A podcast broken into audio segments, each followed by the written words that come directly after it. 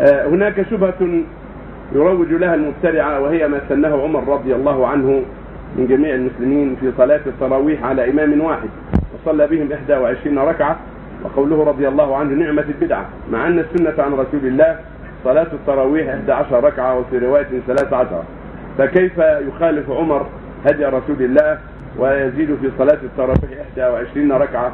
وما هو الأولى في ذلك؟ صلاة التراويح 11 كهدي الرسول أم 23 كما بين عمر رضي الله عنه.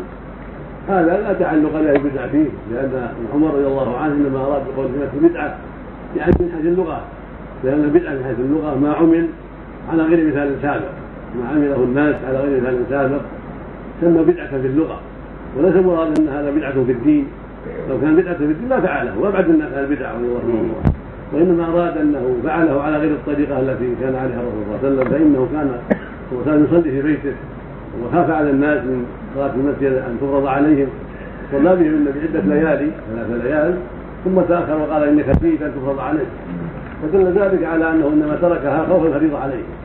فلما توفي النبي صلى الله عليه وسلم أمن الناس من الفريضة لأن التشريع انقطع الوحي انقطع ما بقي تشريع. فلهذا فعلها عمر وأمر أبي يصلي بالناس رضي الله عنهم وأرضاهم جميعا. فليست بدعة وإنما سنة.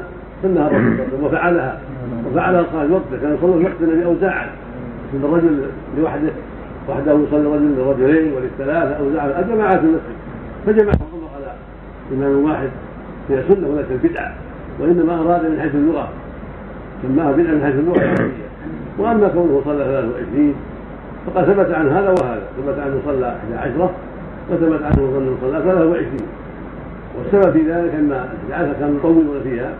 ثم رأى التخفيف بعض الشيء وأن تكون 21 وكل سنة هذا سنة وهذا سنة. لأن الرسول صلى الله عليه وسلم قال صلاة الليل مثنى مثنى ولم يحدد 11 ولا 13 ولا أكثر من ذلك. صلاة الليل مثنى مثنى فإذا خشي أحدهم الصبح صلى ركعة واحدة قلت له ما قد صلى ولم يقل فإذا زاد على 11 فليقف على 11 قال فإذا خشي الصبح صلى ركعة واحدة. وجدوا له ما قد صلى وصلاة الليل وسعوا فيها. ولذلك كان بعض الصلاة يصلي 40 وبعضهم يصلي أكثر من ذلك. وصلاة الليل فيها سعة. فعمر لما علم هذا عمر خففها في 21 في 23 أخف من 11 حتى يتمكن الناس من أدائها بنشاط من غير تعب فمن صلى 11 أو 13 أو 23 أو أكثر من ذلك فلا حرج. لكن, لكن الأفضل 11 أو 13 هذا هو الأفضل. كونه يوافق في أن هذا هو الأفضل. ولكن ليس في مخالفة ذلك بدعة ولا إنكار. لأن التوسع في الصلاة في الليل أمر واسع بحمد الله وفي النهار كذلك.